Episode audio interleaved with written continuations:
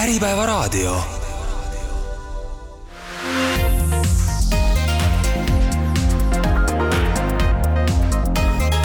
Trinity eetris. tere, head kuulajad, alanud on taas Trinity eetris ja mina olen saatejuht Gregor Alaküla täna on meil võimalus taas rääkida meediavabadusest ja täpsemalt räägime meediapluralismi monitooringu uuringu näitel sellest, milline on ajakirjandusliku kajastamise vabaduse olukord Eestis ja meie teistes lähiriikides ja Euroopas üldiselt. külas on monitooringu läbiviimisel kaasa aidanud Trinity vandeadvokaat Kaarmen Turk, tervist! tere päevast! ja advokaat Katrin Kose, tere! tervist! ajakirjandusvabadusest saab rääkida ja seda saab hinnata mitut moodi, üsna tuntud hinnang, selline, millest ka meedias on räägitud, on siis maailma ajakirjandusvabaduse indeks, selline riikide iga-aastane edetabel, mis on koostatud ja on siis piirideta reporterid selle autoriks ja Eesti on selles indeksis aastaga langenud ja kas see veidi üle aasta kestnud Ukraina sõda on ka selle langemises mingit rolli mänginud või miks on Eesti langenud? No sellel langemisel on seal mitu, mitu põhjust, et kindlasti on Ukraina sõjal oma, oma, oma järelmid, eriti mis puudutab meediat, erinevate väljaannete kättesaadavust ja kindlasti ka teatud piiranguid sisule. Ja teine, mis mõjutas ka ajakirjandusvabaduse indeksi tulemust, on ka meie enda kohtupraktika ja järjest tihenev meediaõiguse kohtupraktika hulk. ja teine kuidas meediavabadust saab mõõta, on siis meediapluralismi monitooring, mis on siis tänase saate põhiteemaks. rääkige lühidalt siis, et milles see monitooring seisnes, mis see metoodika oli ja miks, miks teie just sellega seotud olite? jaa, no selle, seda eestikeelsena võib-olla on lihtsam isegi nimetada siis meedia mitmekesisuse seireks. et äh, erinevus siis ajakirjandusvabaduse indeksist on see, et kui ajakirjanduse vabaduse indeks lõppkokkuvõttes, see koorub välja siis küsitlustest, mille organisatsioonid ise vastavad ja loomulikult äh, piirideta reporterid panevad selle lõpuks kokku, siis äh, meedia mitmekesisuse seire puhul on see tellitud Euroopa Liidu poolt, see viiakse läbi kõigis Euroopa Liidu liikmesriikides ja igas liikmesriigis on siis nii-öelda ekspertkogu, kes selle kokku paneb. ja kes koguvad andmeid läbi andmekaeve ja muude meetodite ja mitte ei küsita siis näiteks Äripäevalt otse, vaid see pannakse siis äh, olemasoleva teadusliku ja muu andme kuhja pealt siis kokku ja Trinity advokaadibüroo siis äh, oli sellel aastal Eesti raporti koostajaks, aga sinna on muidugi kaasatud palju rohkem eksperte, et ka meie kaasasime sinna nii Tehnilise Järelevalve Ametist, äh, meediamajadest, ülikoolidest eksperte juurde, kes siis aitasid ühe või teise kategooria küsimustele vastamisega. miks see monitooring üldse oluline on või miks on vaja sellist topelt hinnangut ajakirjandusvabadusele? no need on täiesti erineva metoodikaga, eks ju, et üks on natukene nagu enesehinnangust, mis on äärmiselt vajalik samamoodi, ja teine on siis, et me vaatame peale ja kindlasti Euroopa Liidus äh, siis see nii-öelda meedia mitmekesisuse seire, ehk siis see pluralismi monitooring, on kindlasti õiguspoliitika kujundamise vahendiks ja samamoodi ehk võib-olla kui vaadata näiteks Euroopa Liidu kohtupraktikat ja Euroopa Liidu liikmesriikide kohtupraktikat, siis päris palju kasutatakse äh, Äh, nendes siis eri riikide raportites äh, olevat kogutud teavet äh, ka kohtuasjade põhjendamisel, aga kindlasti on ta õiguspoliitiline siis selline vahend kas niimoodi üldiselt peale vaadata nii sellele ajakirjandusvabaduse indeksile kui siis sellele meedia mitmekesisuse monitooringule, on erinevad need hinnangud kuidagi suuresti ka? kindlasti on erinevuseid, sest juba see metoodika on erinev, on ju mm, -hmm. kui ajakirjandusvabaduse indeks proovib siis riigid panna indeksi järgi siis järjekohtadele, on ju, nagu ütlesid ka, et Eesti on natuke langenud, ta vist oli nüüd kaheksandal kohal viimases, et siis MPM-i ähm, seire puhul me hindame riske ja riskid jaotuvad siis kolme kategooriasse, äh, madalad, keskmised ja kõrged. et äh, Katrin võib-olla oskab isegi öelda, et kuidas me seal siis äh, Euroopa keskmises välja paistsime?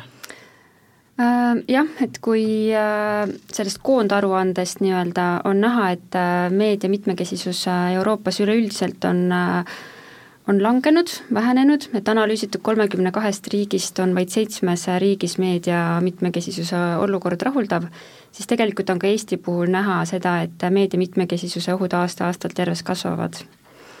ehk selle... siis vähem erinevat sisu? mitmekesisuse all peetakse seda silmas? just mm. -hmm mis on veel kõige põnevam, mis on kõige kõrgema riskiga Eesti puhul?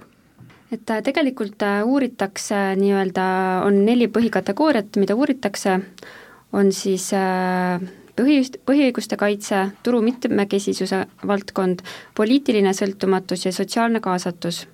ja Eesti puhul on siis äh, nii-öelda kõige kõrgema riskiga just see turu, turu mitmekesisuse valdkond, mille risk on kasvavas trendis olnud äh,. Samuti on suurenenud sotsiaalse kaasatuse risk, et see on tõusnud nüüd keskmise tasemeni ehk eesti keeles äh, tähendab, et äh, vähemuse häält on vähem lugeda ajalehe veergudelt? just, just, just nimelt. ja samuti tegelikult on äh, tõusnud riskitase põhiõiguste val-, kaitse valdkonnas samamoodi, kuigi ta jääb siiski koos poliitilise sõltumatuse valdkonnaga endiselt madalaks. milles see seisneb, see põhiõiguste kaitse? No see, ütleme, see põhiõiguste või selline üldise kaitse valdkond, et seal on nagu kolm või neli sellist suurt tükki, millest see võib-olla koosneb kõige suurem nendest tükkidest on selgelt see, mis puudutab siis kohtupraktikat, meediamajade, ajakirjanike vastu esitatud nõuded, äh, kohtuvaidlused äh, ja ka niisama kiusamine, ahistamine, mis, mis on selges tõusutrendis üle, üle Euroopa.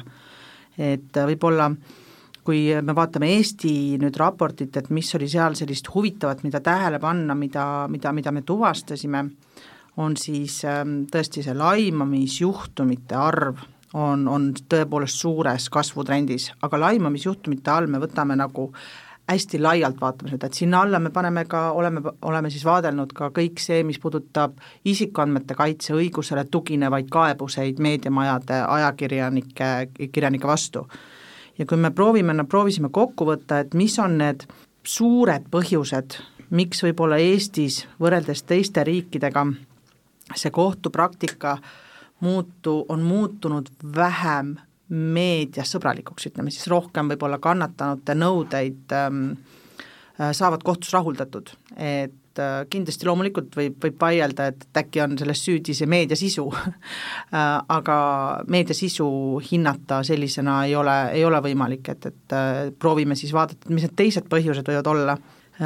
Ja siis tuvastasime sellised viis suurt kategooriat, et esimene on siis see, et meie Eesti õiguse eripära on see, et kui ma esitan nõude kohtusse lükata ümber midagi, mis on faktina avaldatud, siis selle vastu puudub mis tahes muu õiguskaitse peale selle, kas see on õige või vale.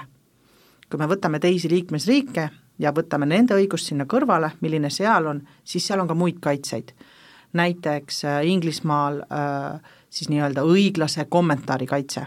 et äh, isegi kui ma ei suuda tõendada jah-ei skaalal, null-üks skaalal, kas on õige või ei ole õige mingi faktiline näitaja, mul on õigus tugineda ka mõnele muule siis nii-öelda kaitseargumendile, meil Eestis pole.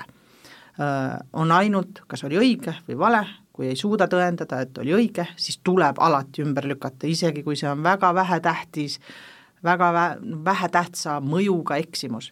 ja selleks tuleb minna kohtusse ja seetõttu on siis see juhtumite arv kasvanud? just, ja siis ütleme, teine niisugune suur kategooria on siis see kaudsete faktiväidete instituut, mis on ajakirjanikule, ajakirjandusele hästi keeruline aru saada. Et mida see tähendab, on see, et meie kohtupraktikas järjest enam me näeme, et kohtusse ei pöörduta mitte selle nõudega, mida ajakirjanik avaldas. avaldas kass on punane, vaid esi-, minnakse kohtusse selle nõudega, mida hageja sellest lausest välja loeb, mida on justkui kaudselt avat-, avaldatud.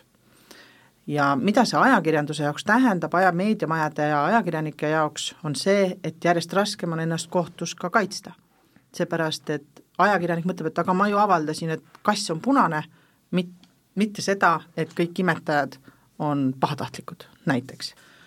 Kolmas suur põhjus ilmselt sellele, mida me oma, mida me kohtupraktikast äh, võisime sellise üldise joonena välja tuua, oli see, et äh, ei seaduses ega praktikas ei ole meil Eesti õiguses loodud erandeid siis nii-öelda otseülekande erandeid. siia alla läheb ka näiteks tsiteerimine, näiteks raadioajakirjanikuna tsiteerides kellegi teise öeldut Euroopa Inimõiguste Kohtu praktika järgi tuleb siis anda ajakirjanikule õigus tsiteerida, ilma et ajakirjanik läheks ja kontrolliks, kas see tsitaat on õige.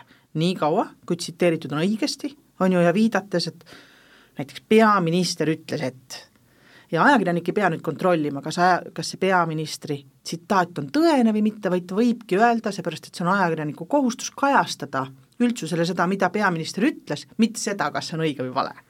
Selle näite puhul mulle meenub, et just nimelt peaminister hiljuti ühe tsitaadiga eksis. Jah, äh, seda, see, see, see kohtuasi on ka siin, äh, siin raportis täitsa kajastatud.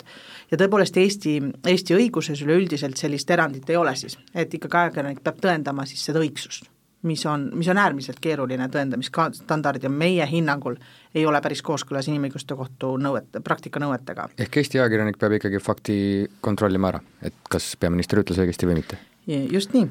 ja siis äh, kaks viimast sellist suurt kategooriat, kust, kust me näeme, et ähm, kust meie vähemalt nägime, et see kohtupraktika on muutumas siis ajakirjanikule, meediamajale keerulisemaks, on siis see, et mittevaraliste kahju summad, nii seda, mida nõutakse, et ei ole enam harvad, et nõutaksegi miljon, kui ka see, mida rahuldatakse. et ei ole harv, et rahuldataksegi näiteks kümme tuhat aga kui me võtame ajakirjaniku keskmise mediaanpalga Eestis, siis kümme tuhat on seitse korda suurem kui ajakirjaniku palk. ehk siis ajakirjaniku vastu esitatud nõude puhul ajakirjanik peaks oma seitsme kuu palga maksma hüvitiseks selle eest, et äh, kas kass oli punane või ei olnud. Ja viimane on siis see, et ähm, puudub ka õiguslik kaitse äh, selliste nõuete vastu, mis on siis ähm, nii-öelda seotud vähese Äh, kahju tekitamisega. siia alla noh, meie hinnangul eelkõige just, kui me vaatame neid vaidlusi, millega kohtud on olnud üle uputatud sotsiaalmeedia postituse kuuekümne kuuenda vastuse seitsmes vastukommentaar ütles midagi. ja selle üle nüüd me kohtus vaidleme ja kahjuhüvitis on sama suur, kui oleks olnud üleriigilise levikuga ajalehes. ja see kohtumenetlus on sama suur see kohtumenetlus on sama pikk, sama raske, sama finantsiliselt, närvilist, närve sööv äh, ja sama koormav. ma tulen selle eelviimasena välja toodud äh, trendi juurde, et nõutakse nii-öelda miljoneid ajakirjanikelt, kas ajakirjandused, organisatsioonid tulevad selliste äh, ähvardamiste ja nõuete puhul ka appi? näiteks Eestis ka meediamajad ju seisavad enamasti enda mhm. ajakirjanike eest siis selliste suurte nõuete puhul. jaa, seda ka oleme täitsa raportis analüüsinud, et Eestis praktika toetab seda, et meediamaja pigem praktilistel põhjustel seisab oma ajakirjanike se-, selja taga, aga see ei ole alati olnud nii. Ja ka täna on meil juhtumeid, ega ju ajakirjanikud on ka väga liikuv rahvas, ikkagi ühest meediamajast lahkuda, teise minna, noh nüüd, kui te mõtlete nüüd siis, et see ajakirjanik saab nõude oma mida millegi kirjutatu eest, mis ta kirjutas oma vana tööandja juures, no kas see vana tööandja on alati huvitatud neid kulusid kandma? ei pruugi olla, eks ju, sest seadusest meil kaitsetagatist ajakirjanikul ei ole. Just see probleem ongi just see, et nii-öelda tagatised seadusest tulenevalt puuduvad, et praktikas on see lihtsalt kokkuleppe küsimus. Kas teie hinnangul võib selle trendi tuules vabakutseline ajakirjandus siis ka välja surra, sest neil ei ole sellist turvavõrku ümber, et toimetus seisaks ajakirjaniku kaitsel? vabakutseline ajakirjandus on, on üle Euroopa toodud välja kui tõepoolest see selline klass, kes, kes tõesti ongi kannatamas üle Euroopa, aga nagu öeldud, Eestis on selles mõttes seis hea, et praktikas ka vabakutselist ajakirjanikku meediamajad, meediamajad siiski abistavad aga lihtsalt seaduses ei ole kaitsemeetmed ja see on see, mida see raport kindlasti hindas. ja tegelikult see toobki meediavabaduse või meedia mitmekesisuse lang-, nii-öelda negatiivse aspektina välja just selle vabakutseliste ajakirjanike üha suureneva kasvu, et kuna neil puuduvad ka lisaks ju sotsiaalsed tagatised, et nad on äh, oluliselt haavatavamad kui palgatööl olles sõltumatus on ajakirjanduseetikas üks selline kõige esimene ja eh, olulisem eh, küsimus ja teema, et teemat peab eh, olema kajastatud eetiliselt ja võrdselt, kõigile osapooltele sõna antud, kui suureks probleemiks see monitooringu järelduste järgi oli, et kui mõjutatav on siis sisu näiteks meediamajade omanike poolt? no see on iseenesest täitsa eraldi kategooria selles seires.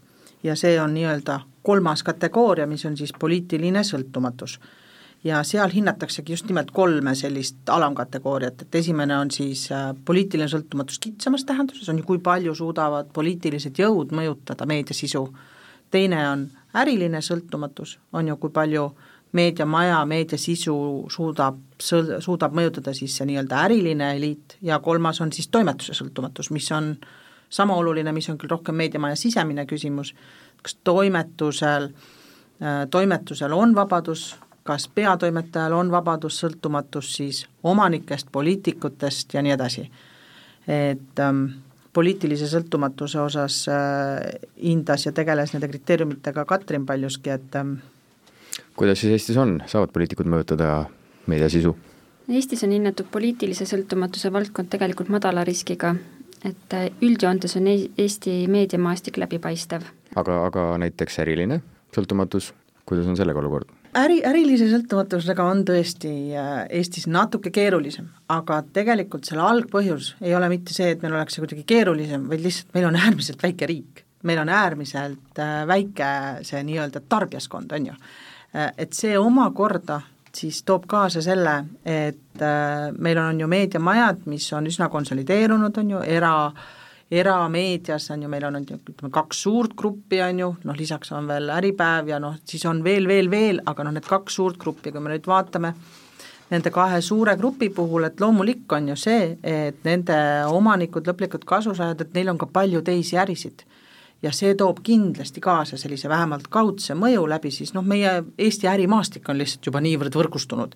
et kui sul on lisaks meediale ka välireklaam ja kirjastused ja mingid akadeemiad ja veel midagi ja veel midagi ja veel midagi, siis loomulikult need kõik on omavahel natuke seotud ja selline kaudne risk on ka seal Eesti suhtes äh, üsna kõrge, aga sellist otsest riski tegelikult, tegelikult ei ole, et ja teine, mis on selline kaudne mõju, on, on kindlasti natuke see, et meil on, kuna meedia, sellist suurt meediat on meil ikkagi väga vähe, kui me võtame nagu noh, ongi kaks suurt, ütleme siis äh, üleriigilist päevalehte, ja see poliitiline polariseerumine üleüldise sotsiaalse riskina äh, üle Euroopa, see ei ole ainult Eesti, Eesti küsimust, et see poliitiline polariseerumine, et järjest vähem on meil sellist halli ala, kas me, kus me saaksime nagu debateerida ja erinevaid arvamusi too, tuua ja seal siis kuidagi sõbralikult ühisosa otsida, et see on niivõrd bipolaarne, eks ju, et, et kas üks või teine ja kui ei ole see teine, siis oled vaenlane, kui oled üks, siis on teine vaenlane, et see toob kindlasti kaasa, aga see kajastub ka kindlasti meedias.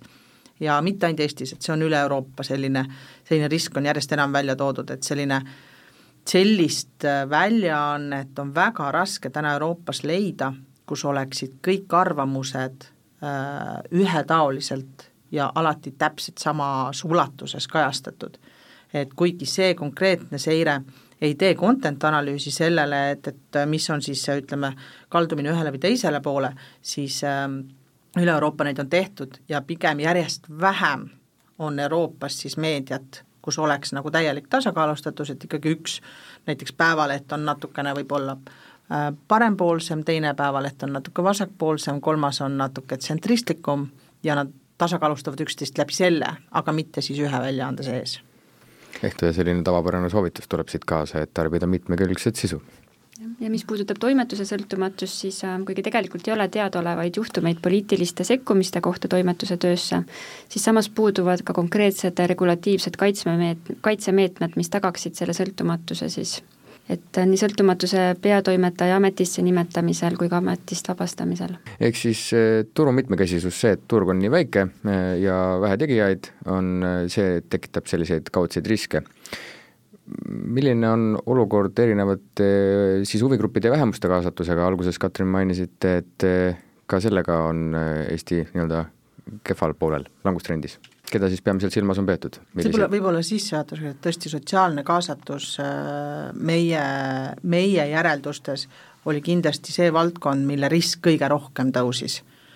Äh, või et see oli nagu meie hinnangul üks koht, kus äh, tõepoolest me oleme kui Euroopa keskmine on viiskümmend kolm protsenti, mis on ka äärmiselt kõrge risk. et me ikkagi tahame, et see risk oleks madalam, on ju, et me tahaks, et oleks alla niisugune kolmekümne et viiskümmend kolm on juba äärmiselt kõrge, niisugune juba peaaegu punases nii-öelda risk, et siis Eesti risk on isegi kõrgem Euroopa keskmisest, et see on nagu ainuke selline, selline valdkond.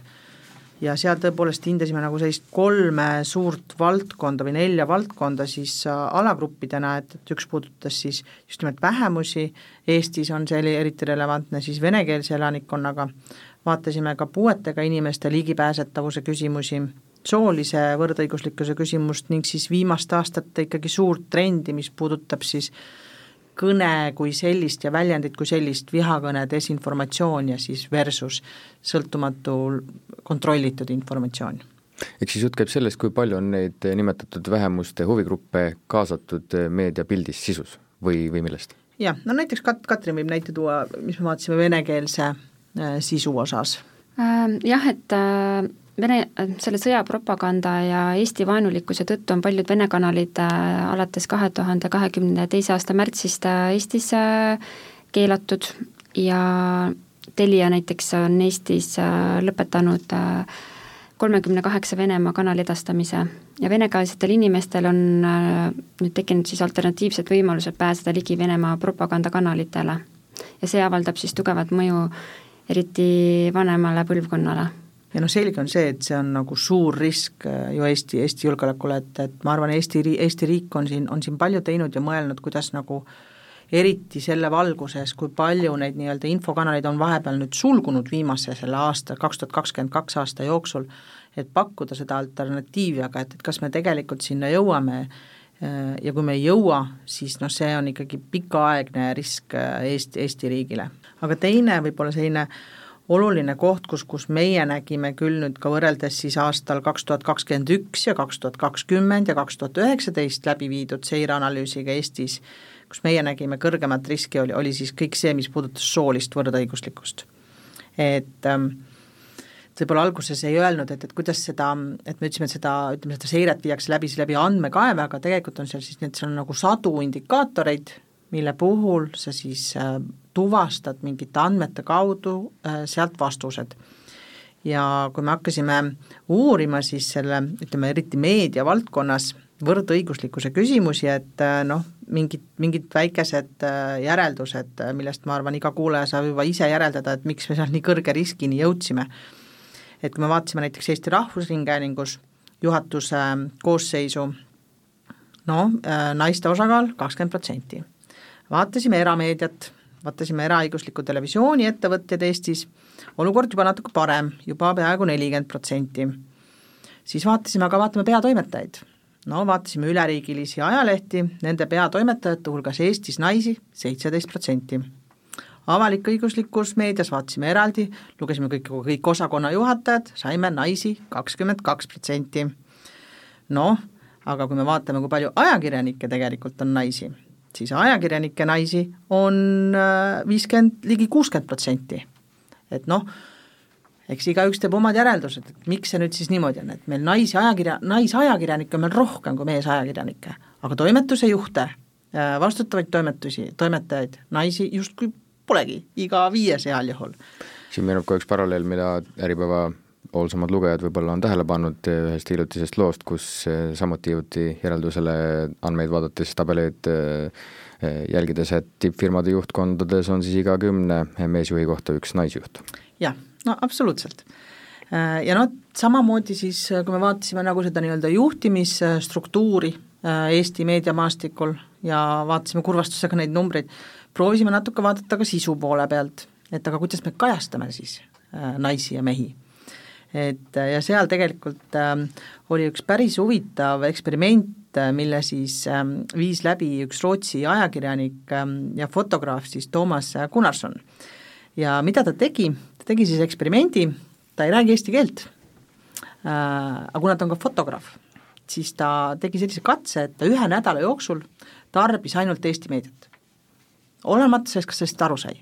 ehk siis mida ta vaatas, ta vaatas visuaalset keelt, visuaalset keelt läbi fotode.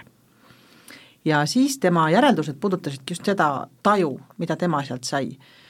Ja tal on väga huvitavad järeldused, et tõepoolest on ju, et naised isegi ametialases kajastuses, isegi äärmiselt professionaalses äh, kajastuses, ikkagi olid alati kujutatud kas seotult rohkem perekonnaga, seotud lastega, mehi kujutati alati aktiivsetena, mitte kunagi passiivsetena, naised olid alati pigem passiivsed, istusid niimoodi, mehed olid eesrinnas äh,, mehed olid pigem poseerivad, naised mitte nii väga, ehk siis hästi huvitavad järeldused, et äh, see on täitsa avalikult kättesaadavad, need tema järeldused, täitsa soovitan lugeda, et päris huvitav.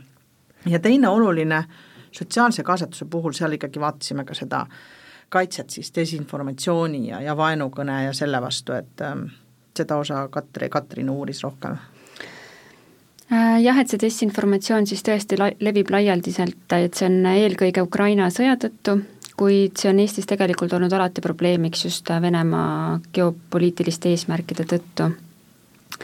et teatati mitmetest juhtumitest nii sotsiaalmeedias äh,, äh, näiteks ukrainlaste rünnakutest venekeelsete eestlaste vastu ja nii edasi, mis tegelikult ei osutunud tõeseks. ehk valeinfot levib palju ja see tuli ka siis monitooringust välja? Jah, just, et on õnneks küll mitmeid tänuväärseid algatusi peamiselt valitsusvälistelt organisatsioonidelt, mille eesmärgideks on siis selle test- ja valeinformatsiooni tuvastamine ja sellele tähelepanu juhtida. kuid äh, see on kindlasti selline aspekt, mis vajaks äh, täiendavat tähelepanu. selle sotsiaalse kaasatuse teema lõpetuseks veel mingeid järeldusi, et et tegemist, olukord on halb, vähemusi kaasatakse meediapildis vähe, mida veel?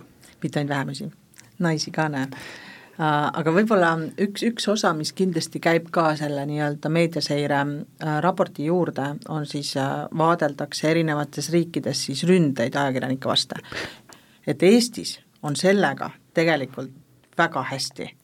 et kui me võtame nagu Euroopa et siis ikkagi eelmine aasta, ainuüksi ühe aasta jooksul oli ligi viissada seda nii-öelda raportit, ohuraportit koostatud, mis on siis ühele Euroopa Nõukogu platvormile nii-öelda teavitatakse, et Eesti kohta ikkagi seda on väga vähe ja noh, su-, noh ajakirjaniku tapmised Eestis ei ole midagi, mille pärast me oleme üldse pidanud muretsema nii kaua, kui me mäletame. see ei ole niimoodi ju igal pool Euroopas. aga ega see ei tähenda ka, et kuna meil ei ole ajakirjanikel selliselt tõsiselt juhtuvaid ähm, sündmuseid äh, õnneks juhtunud, ei tähenda, et me võime loorberitele puhad puhkama jää, jääda, et et ka Eesti suhtes oli siiski äh, mõned raportid täitsa aastal kaks tuhat kakskümmend kaks esitatud, et kui me nagu meelde tuletame ka, et meil oli ju äh, üks füüsiline rünnak täitsa ajakirjanike vastu, mis oli siis veebruaris, kui üks Postimehe ajakirjanik, Sander Punamäe sunniti lahkuma siis sealt Tallinnas äh, vaktsiini vastasest sealt protesti, protestikoosolekult. Ja selliseid, selliseid asju ikka juhtub ja me peame neile kindlasti ühiskonnana tähelepanu pöörama ja, ja sellega tegelema. lõpetasime eelmise poole sellest, et rääkisime, et Eestis on mäletatavas minevikus ajakirjanike vastu ründeid mitte üldse või väga vähe, aga küsin siit võrdlust teiste Euroopa riikide kohta, millised riigid on nende tipus, kus on olukord väga halb? Võrreldes meiega? no ma arvan, seda isegi tavalugeja tavalise meediapildi kohta näeb, puhul näeb, et, et äh, kus siin Euroopas võivad need äh, tulipunktid olla, et noh, Euroopa Nõukogu kogub infot ju laiema kui ainult Euroopa Liidu kohta, et seal on meil nelikümmend kuus liikmesriiki, et sealhulgas on ju ka meil Türgi ja, ja Ungari et äh, neid, neid riike ikka on loomulikult ja Eesti, Eesti on, Eesti on selles edetabelis kindlasti positiivses mõttes teises, teise otsa tipus aga ehk veel äh, võib-olla kaks olulist, ähm, olulist kohta, äh, mis meie hinnangul mõjutasid ähm, siis Eesti asetust meediaseire raportis, et üks puudutas avalikku teavet, selle kättesaadavust, millel ju põhineb paljuski uuriv ajakirjandus. tahtsingi ja... selle teemani jõuda, kuidas advokaadid sellele teemale vast-, vaatavad, et dokumente ja teemasid vähemalt Eestis siis avalike asutuste poolt üha rohkem salastatakse, nimetatakse ametkondlikuks kasutamiseks, et ka ju omamoodi mõjutustegevus just seda tegelikult see uuring ka näitas, et õigus saada teavet on, ei ole alati tagatud tegelikult Eestis oli nii-öelda kolm faktorit, mis seda siis äh, meie hinnangul mõjutavad, et esiteks on siin Andmekaitse Inspektsiooni vastuoluline roll, et ta peab teostama järelevalvet teabevaldajate üle ühest küljest ja samal ajal tagama siis ka isikuandmete kaitse jälgimise. teiseks suureks probleemiks on avaliku teabe seaduse sõnastus, mis võimaldab väga kergekäeliselt äh, juurdepääsupiirangute kehtestamist, kuna seadus rõhutab just andmesubjektide õigustele ja vabadustele mitte aga juurdepääsu taotlejate õigust saada teavet. seadus on kehv ja järelevalve samuti. just, ja kolmandaks, kolmandaks äh, probleemiks on siis äh, nii-öelda isikuandmete kaitse nii-öelda ülekaitsmine siis, et äh, isikuandmete kaitse eesmärgil tihti piiratakse teavet juur-, no anta, piiratakse siis juurdepääsu. mingeid näiteid veel, mis sellise järelduseni aitasid jõuda? Selle järeldusena aitas meid viia ka Arenguseire poolt eelmisel aastal tellitud väga põhjalik uurimus, mis siis käsitles avaliku teabe äh, seaduses äh, toimunud muudatusi alates selle algusaegadest. ja tõepoolest selle, selle raporti äh, tulemusena kui me alustasime seadust siis sellise piirangute loeteluga, mille said kahe käe näppudel üles lugeda, siis tänaseks on seda täiendatud niivõrd palju, et neid piirangu võimalikke piirangu aluseid, kuidas, mille alusel öelda, et ei, see pole avalik teave, kuigi jah, avaliku rahaga on see loodud, äh, meie Eesti ühiskonna heaks on see tehtud, aga me ei anna seda välja. Neid piiranguid iga aastaga tekib natukene justkui juurde ja tõepoolest, äh, nagu Katrin ka ütles, et see Andmekaitse Inspektsioon on siin nagu päris keerulises rollis, et et kui te nüüd mõtlete ajakirjanikuna, et teie ülesandeks on kajastada üldsusele infot ja siis teil oleks teine roll, mille eesmärk on mitte kajastada üldsusele infot. et päris selline skisofreeniline olukord. avalike andmete kasutusega ka hiljutine juhtum, kus naiste kohta küsiti delikaatseid isikuandmeid. jaa nojah, see, see, see juhtum muidugi võib-olla avalikku teavet puudutas vähem isikuandmeid natuke rohkem. Äh, aga jah, need tulemused kindlasti oleks olnud ilmselt ju avalik, avalik teave ühel hetkel. aga võib-olla veel viimane, viimane suur tükk, mis jällegi Eesti kui me muidu juba vaatasime, et ka selline üldine kaitse ja, ja meediavabaduse tagamine Eestis, et äh, juba nagu järjest saab nii-öelda miinuspunkte juurde, et äh, siis tegelikult Eestis juhtus ka aastal kaks tuhat kakskümmend kaks päris palju head ajakirjanduse tarbeks, et võib-olla ühe näitena äh, mis äh, tõi Eesti peaaegu et rohelisse tagasi selles valdkonnas, oli siis meie enda Riigikohtu lahend, mis puudutas, puudutas allikakaitset. et allikakaitse on siis, selle all ma mõtlen siis ajakirjaniku seda nii-öelda keskset õigust mitte öelda, kust sa selle info said. et ähm, Eestis viimastel aastatel ikkagi rünnati ja murendati seda absoluutset õigust iga nurga pealt, nii kriminaalmenetluses, tsiviilmenetluses, nõudekirjadega, et juba ühel hetkel juba tekkis küsimus, kas meil seda enam üldse on. ja seal siis tõesti läbi kuigi nii esimene aste, teine aste, kõik ütlesid, loomulikult tuleb välja anda, mis see siis on, noh. Et miks, miks, miks, miks, miks ei peaks siis teine inimene teada saama, kes see tema peale siis äh, vihje näiteks esitas et siis Riigikohus äh, siin ikkagi äh, lõi jala küll nagu väga õiges kohas, ma ütleks, nagu vastu maad äh, ja ütles, et allikakaitseõigus on absoluutne privileeg ja mitte ainult kriminaalmenetluses, vaid ka tsiviilõiguses. et see on ajakirjaniku absoluutne õigus öelda, et ei, ma ei ütle ja ma ei avalda, kes on minu allikas, see ei, see ei vabasta ju ajakirjandust, ajakirjanikku ega meediamaja oma kohustusest avaldada õiget informatsiooni tõele, tõest ja kontrollitavat, aga ei pea avaldama oma allikat ja noh, see, see Riigikohtu lahend üksi juba äh, teenis Eestile tagasi väga, väga mitmed punktid oleme siiamaani rääkinud sellest, mis on Eestis võrreldes teiste Euroopa äh, riikidega meediamaastikul hästi, mis on halvasti, millised on sellel vaadeldaval perioodil need peamised kohtuasjad, mis on seotud ajakirjanikega? no neid kohtuasju on äh, Eestis ju no ikka palju ja nagu öeldud ka, et, et mida me ka selle seire raames tuvastasime, et äh, absoluutnumbrites juba ainuüksi äh, siis äh, väljendusvabadust puudutavate kohtuasjade arv on ilmselges kasvutrendis. Äh, et neid on, neid on, need on tõesti arvukalt ja samas mida ka nagu võib-olla eelmise aasta kohta öelda, et mis, mis on kasvutrendis, nii kurb kui see ka pole, on siis äh, erinevad ähm, kohtueelsed ja ka kohtumenetlused, mis siis puudutavad ajakirjaniku turvalisust. Äh, et sellist ahistamist, ähm, ajakirjanike laimamist, ajakirjanike vastu kohtusse pöördumist äh, on järjest, järjest, järjest enam. Äh, ja ka, et seda enam ei loe ühe ega kahe käe näppudel kokku, et mis aasta jooksul siis kohtuasjad algatatakse. tuleme selle juurde millised võiks olla nii-öelda lahendused, et sellest edetabelist tõusta ja millised võiksid need lähema aja muutused olla, ennist rääkisime sellest, et Eesti ajakirjandusturg on väike, konsolideerunud ja, ja ka pluralism, ehk siis just, et mitmekesisust oleks turul juurde vaja. aga, aga kuna turg on nii väike, siis eh, sellega on olukord kehvasti, et uusi tegijaid ilmselt mahuks, aga tarbijaid pole piisavalt või, või ongi see sellise väikse turu probleem? ma arvan, väga, väga palju on, on, on ilmselt kindlasti seotud ka sellega, millises riigis, kui väikeses äh, riigis me elame ja seda kindlasti muuta ei saa. aga kindlasti on siin seadusandjal äh, võimalus äh, palju ära teha, et neid kaalukausse natukene võib-olla tasakaalupunkti tagasi viia. Et kui me vaatame ka, mida võib olla nüüd sellel järgmisel kaks tuhat kakskümmend kolm aastal, kaks tuhat kakskümmend neli aasta alguses siin oodata, mis võiks juba ka raporti järelduste alusel siis nii-öelda seda protsendipunkti oluliselt liigutada, ongi võib-olla siis kolm suurt äh, õigusmuudatust, mis on, mis on liikumas juba. Et üks puudutab vilepuhujaid, teine puudutab vaigistushagisid ja kolmas puudutab siis meediavabaduse äh, akti Euroopa Komisjoni poolt. et Katrin, ehk alustad näiteks vilepuhujatega? jah, et äh, Justiitsministeerium on ette valmistanud äh, rikkumisest teavitaja, teavitaja kaitse seaduse eelnõu, millega võetaksegi siis see vilepuhujate direktiiv üle.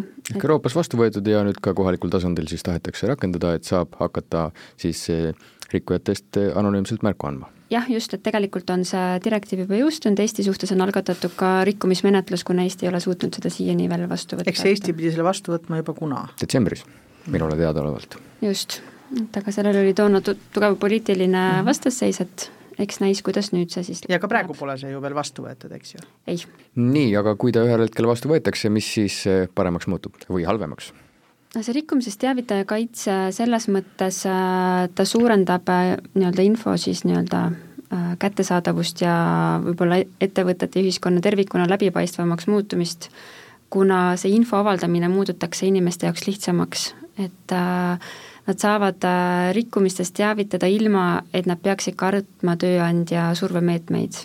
Nad saavad seda teha äh, konfidentsiaalselt, ilma ohu, ilma hirmuta, et nad lastakse selle pärast töölt lahti ja lihtsalt nad peavad järgima siis seda nii-öelda teavitamise korda, mis seaduses ette nähakse, et seal on võimalik teavitada asutuse siseselt, asutuse väliselt ja viimase meetmena siis minna seda teavet avalikustama meediasse kas selle praeguse plaani järgi luuakse siis mingi keskne eh, üleriigiline organisatsioon, kes kõiki selliseid eh, kaebusi menetleb? või see asutusesisese teavituskanali loomise kohustus on ettevõtetel ja asutusevälised eh, teavituskanalid peavad looma siis järelevalveasutused ja tegelikult meediasse pöördumise eelduseks ongi see, et sa oled vähemalt asutusevälise organisatsiooni poole juba korra pöördunud.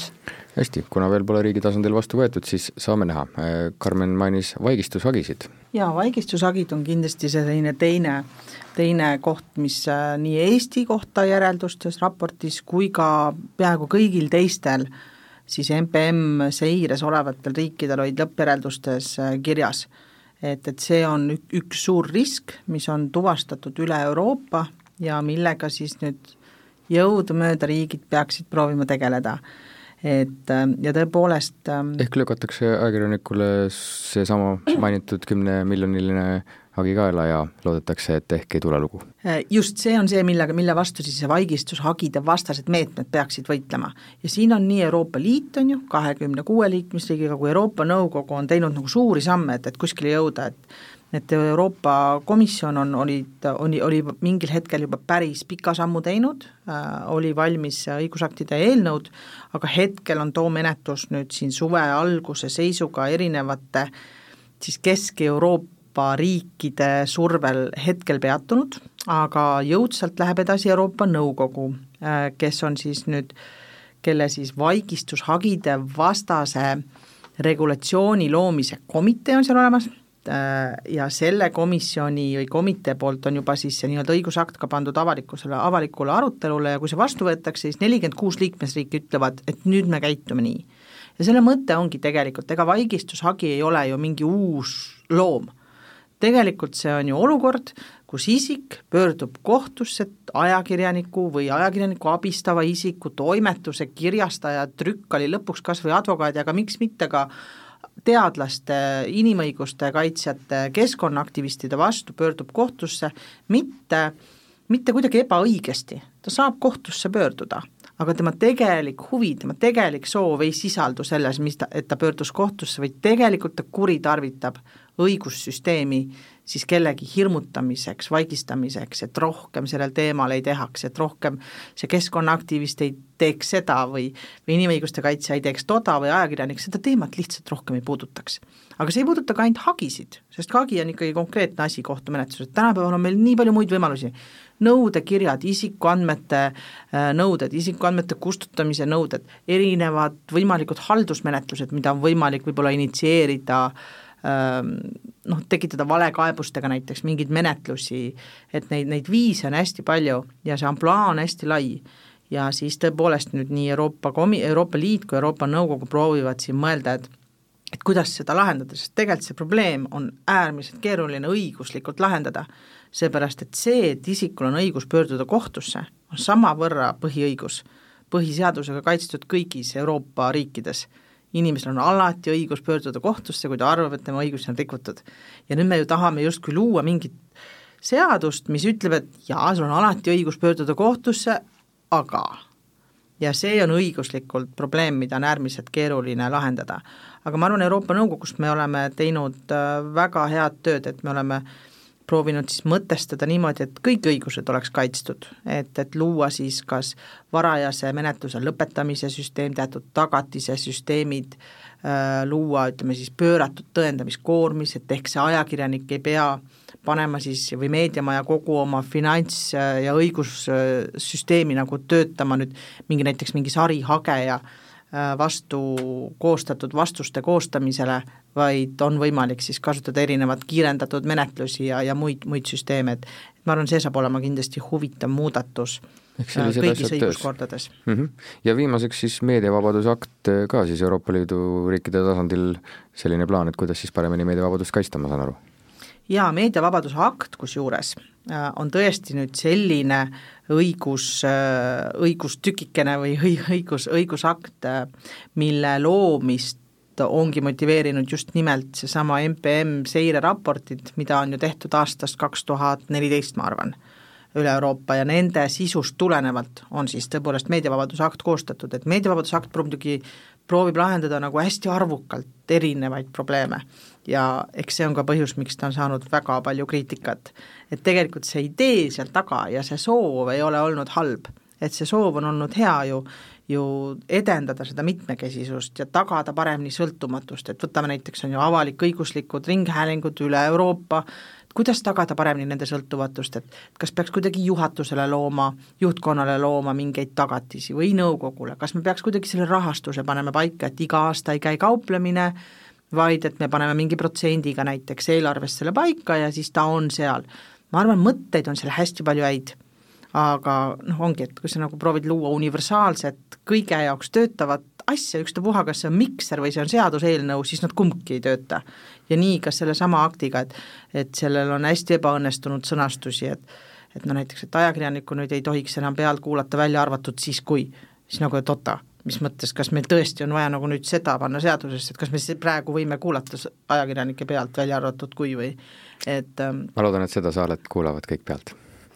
Aga eh, kas eh, monitooringu tulemuste järgi võiks olla ka üle-euroopaline siis ikkagi selline üks probleem, mida võiks selle aktiga proovida lahendada, et mis on Euroopa ajakirjanduse suurim ühine probleem näiteks? ma arvan, et äh, sõltumatus on kindlasti see, mida me noh, mis on Euroopas keskmiselt kõige suurema riski all, aga noh, jällegi Euroopa on ikkagi nõnda suur ja geograafiliselt, poliitiliselt mitmekesine, et seal on väga raske seda ühte probleemi välja tuua.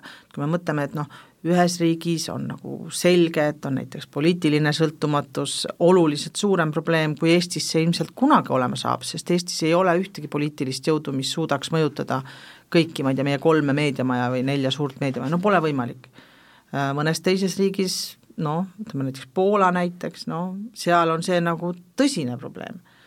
Äh, mõnes probleem, mõnes riigis on suurem probleem selline üldise kaitsega, põhiõiguste tagamisega, Eestis pigem ma arvan, et need on nagu parandatavad probleemid, et meil ikkagi on see, mis tuleneb väiksusest ja ehk ikkagi ongi seesama selline kaitsetagatiste loomine meediamajadele, ajakirjanikele äh, ja õigustööriistade loomine, et tagada siis kohtuvaidluste õiglane lahendamine võtan selle viimati räägitud teema kokku, Euroopa tasandil siis eh, töös eh, nii vilepuhujate seadus, eh, vagistushagide vastane tegevus kui ka meediavabaduse akt, mis siis ajakirjanduse olukorda peaks paremaks tegema, aga veel sellistest muutustest, kuidas meedia sisu ja vorm võib olla muutumas näiteks sellest aspektist, et tavatarbija on harjunud sellega, et sisu eest tuleb maksta, aga noorem, et kas ka noorem generatsioon sellega nõustub, et kas peagi võib hakata ka sisu hoopis minema taas rohkem sotsiaalmeediasse ja ja kuidas te selliseid arenguid näete? Mina, ja nüüd see on nüüd küll nagu subjektiivne, aga eks ta natukene vast on nagu, põhineb ka empiirikal, et ma arvan, et sellist aega nüüd päris tagasi ei tule, mis oli, ütleme, siis see interneti Wild Wild West ajastu, on ju, kui meil oli torrentitega oli kõik ja kogu aeg ja kogu aeg tasuta piraattoodetena kättesaadav. Ja ma väidan, et ei tule ka enam tagasi seda aega, kus äh, erinevaid rakendusi või platvorme tehakse õhinapõhi, põhiselt, et äh, ilma nagu pikema plaanita, kuidas see nagu äriliselt nüüd ikkagi kasulikuks teha.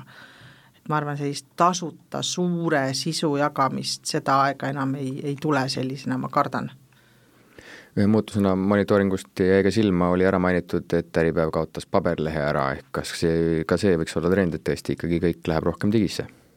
jah, aga ega see ei tähenda, et ta on tasuta, eks ju. ei peagi olema, ei saagi olla. Ärimudel peab ju töötama jätkusuutlikult ka viie aasta pärast.